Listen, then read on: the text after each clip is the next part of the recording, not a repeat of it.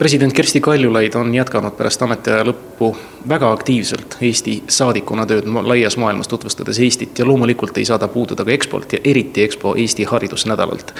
hea president, ütlemata tore on kuulata olnud teie esinemistes seda arvandmetel põhinevat äh, võrdlust, et Eestis on seitsesada tuhat tööjõuealist inimest ja ometigi on üks Eesti firma suutnud palgata kolmsada tuhat inimest. kas see arvude mäng on mõjus ja kuidas teile tagasiside puhul tundub, et kas ta töötab sellisena, nagu ta on välja toodud? Töötab küll, sellepärast et äh, just kui me räägime äh, Eestist ja Euroopast kaugemale jäävatest riikidest, siis väga tihti on riikidel see mure, et välisinvesteeringud äh, uuemal ajal kipuvad tulema näiteks Hiinast koos oma tehnoloogia, aga ka oma tööjõuga ja meie konkurentsieelis ongi just nimelt see, et esiteks me ei paku valmis lahendusi, vaid ikka alati rätsepatööd. ja teiseks, kui Eesti äh, tehnoloogiaettevõte tuleb äh, sinu riiki ehitama näiteks sinu e-riiki või äh, digiteerima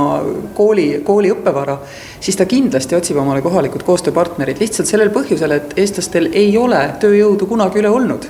kuidagi on meil õnnestunud oma tööturgu nii hästi juhtida, et meie tööturg on ülivaba, seal on ülivähe piiranguid ja tööjõudu meil tegelikult ei jätku. ja me otsime seda alati koha pealt me kappame praegu tegelikult ju pöörase kiirusega maailmas, mis tahab kahekümne üheksa pärast, üheksa aasta pärast saada süsinikneutraalseks. praegu siin haridusnädalal on Eesti haridusettevõtted, teadusagentuur välja tulnud sellise kolme suure vaalaga, personaalmeditsiin, tark linn ja haridusinnovatsioon. kas need on kümnesse valikud praegu? Need on valikud, kus Eestil on äh, päris palju pakkuda. targa linna osas on meil võib-olla rohkem veel sellist äh, noh, akadeemilist äh, innovatsiooni, et, et seal päris rakendusi noh, Tartu väga pingutab ja ma väga hindan seda Tartu soovi olla Eestis see tark linn. nii et kui minu käest küsitakse, et milline on see tark linn, millega võiks nii-öelda kaksiklinna või sõpruslinna suhteid arendada, siis ma tihti ütlen, et, et see võiks olla Tartu, neil on ülikool käepärast, mobiilsuslaborid, kõik on, eks ju. aga sealt me oleme näinud täna väga vähe praktikasse tulemas ja seda tõenäoliselt põhjusel, et meie suuremad linnaruumid äh, ei ole, ei ole olnud veel väga valija tellimust, alles nendel kohalikel valimistel tegelikult ju ka Tallinnas tõusis noh, ühe teravama teemana üles nagu tark ja nutikas ja meeldiv äh, linnaruum, et kuidas inimesed linnas õnnelikud saaksid olla. nii et siin on meil võib-olla lihtsam teha mujal ja seejärel müüa neid kontseptsioone ka iseendale mis puudutab haridusinnovatsiooni, siis äh, meil on palju ettevõtteid, kes täna juba teevad mujal koostööd, et noh, näiteks Keenias on meil Opik, mis sealset äh, õppevara digiteerib. Nad on ka siinkohal, meil on Glambeat, kellest me Eestis võib-olla ei teagi, aga nad on Aasias, näiteks Singapuris äh, olnud kohal rohkem kui Eestis, rohkem teada kui Eestis, nemad tegelevad siis sellega, et lapsel oleks koolikeskkonnas turvaline ja vaimse tervise probleeme ei tekiks. noh, täna on see meile iseenesest arusaadav, aga mõtleme siis, kui Glambeat alustas, see niimoodi ju ei olnud meil on ka neid, kes rahvusvaheliselt pakuvad, noh näiteks ülikoolidele sisseastumistarkvara ja, ja palju-palju teisi edutech ettevõtteid, nii et neid on meil üksjagu, mida sellel nädalal tõepoolest pakkuda. ja geenivaramu, mul on väga hea meel see, et nüüd Eesti digieduloo kõrval üha rohkem ja paremini me mõistame ka, et samal ajal alanud tegelikult Eesti geenivaramu loomine, kus täna on üle kahesaja tuhande inimese geeniandmed mis tegelikult tähendab seda, et kuna kõigil neil inimestel on ka sugulased, siis väga suur hulk eestlasi, kindlasti vähemalt pool võib evida mingisugust paremat teavet selle kohta, millised on nende pärilikud riskid äh, selles elus. Ja siit saame me liikuda siis ennetava meditsiini poole. Ja kui meil on see küsimus, et kuidas me vananema rahvastikuga tuleme toime nii, et kogu meie riigieelarve ei kulu äh, tervishoiule, siis ennetav meditsiin on ju see tee. Aga Eesti on üks miljon inimest, meie geenivaramul on ka akadeemiline, aga ma arvan, et ka praktiline ja praktikas rakendatav ja kasulik huvi töötada kirjumate, suuremate populatsioonidega, mille, millest me nagu siin just saamegi palju rääkida, sest siin on kümme miljonit inimest meeletut genofondi ja, ja väga erinevatest rahvustest ja piirkondadest pärit ka.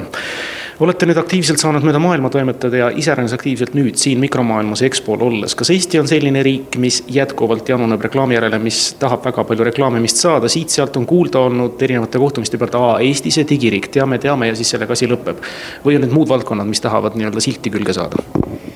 No kui me siin eilegi märkasime, et meie esitlusele olid tulnud naaberriikide ametnikud olid tulnud kuulama, et, et saada ka osa, et ma tean, ma olin siin hiljaaegu ka lähedal Saudi Araabias, et äh, seal oli ka meie Nortal ja teised ettevõtted, et äh, nad on võimelised siin piirkonnas pakkuma, aga natuke on meie digiettevõtetel üks, üks häda, et, et ega noh, Nortal on julgenud võtta riske, võtta laenu selleks, et põhimõtteliselt osta lennupileteid ja hotelle kinni panna, et, et laiendada oma turgu kas siin piirkonnas või kusagil mujal ja ma mäletan, et üks viis-kuus aastat tagasi oli sellest juttu Priit Alamäega, siis ta oli võtnud ka enda arvates üsna suure riski, mis on tänaseks ära tasunud. ja paraku tuleb see, võtan riski, võtan raha, laienen tee läbi käia ka kõikidel teistel et on klassikalist startup rahastut ju Eestis suhteliselt lihtne ette kujutada, et meil on startup idele raha tegelikult jätkub, aga kui sa ei ole enam startup, vaid kui sa tegelikult tegeled oma välja kujunenud tooteportfelli laia müügiga maailmas, siis vaat seda, seda faasi on meil ületanud loomulikult need, kes on saanud ükssarvikuteks, aga see peaks vist algama, mulle tundub, väiksemalt tasemelt. senikaua aitab üle, kui ettevõtted toimivad koos, et tihtipeale on mõnel linnal mõnel riigil vaja lahendusi, mis äh, katavad tegelikult mitmete meie ettevõtete töövaldkonda. ja siis saab teha ka selliseid ühiseid äh, pakkumisi, et need kõik võimalused meil on, aga mulle natuke tundub, et äh, meil on seda müüki ja turundusvõimsust ka riigil on rohkem, kui meie ettevõtetel on, on kasvamise kiirust ja julgust vahel see võib vastata tõele küll, isegi mitte ettevõtetel, vaid ka meie teadlastel, kes võib-olla senimaani pole pilti sattunud. sattusin eile vestlema Tartu Ülikooli haridustehnoloogia professori ja õpetajakoolituse professoriga, kes pärast ühte kohtumist araabia kolleegidega ülikoolist kuulsid lauset araablastelt otsekohesed, nagu nad on. kuulge sõbrad, lükake need soomlased sinnapaika, eestlastel on palju paremad ideed, võtame need. kõlab päris karmi konkurentsina maailm on nii suur, et ju mahuvad kellelegi need eestlaste ideed sobivad ja kusagil äh, on teistel üks pusle, kus soomlaste pusletükk nagu paremini läheb, et ma siin nii suurt konkurentsi nüüd, nüüd küll nagu ei näe. aga mida ma küll leian, et Põhjamaad tegelikult äh, võiks rohkem kasutada seda, et Eestit kui väravat äh, ütleme, digiteenuste pakkumisele globaalselt, sest tõepoolest, kui sa ikka eestlasena uksest sisse tuled, see on natuke teine asi, kui me räägime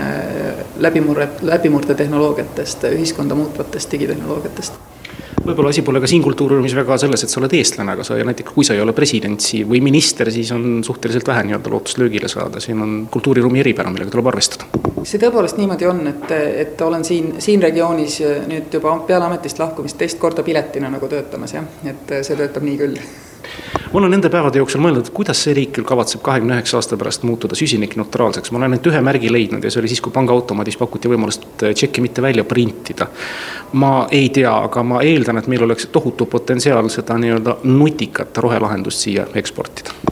no kui me nüüd jäätmemajandusest räägime, siis ma eestlasena ülearu uhk-, uhkust ei tunne, aga ma olen täitsa kindel, et me suudame teistele tekitada paremaid lahendusi, kui me iseenda juures viitsime rakendada, et, et seda me kindlasti suudame, kui keegi sellise tellimuse meile nagu esitab, aga esiteks on siinsed riigid lubanud olla kliimaneutraalsed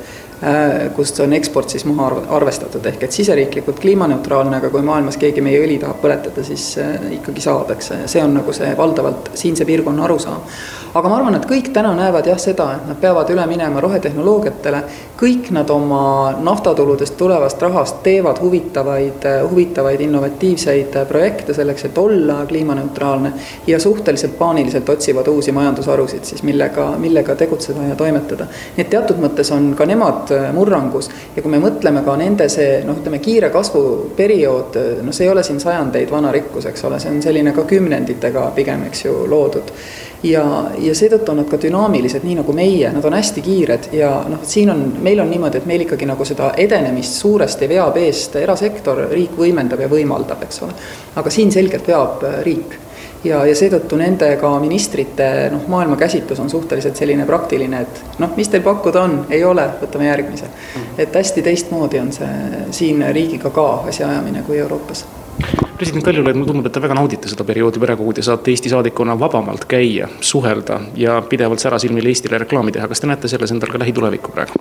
ma küll ei arva, et ma olen viimane viis aastat kohutaval kombel kannatanud, tehes täpselt sedasama tööd. et mis praegu on natuke teisiti, on jah see, et, et rahvusvahelise meedia tähelepanu on, on kindlasti vähem ja, ja päevas on võib-olla mõni auk rohkem, et ma olen ka siin juba mõnes paviljonis käinud, Läti paviljonis ja aga teistpidi on see natuke ka töö, et ikka teed ju pilti lätlastega ja siis nad panevad üles, et Eesti endine president käis ja aga see on tore, et mulle on minu töö meeldinud viimane viis aastat ja meeldib ikka. väga head töö nautimist edasi, aitäh, Kersti Kaljulaid! aitäh!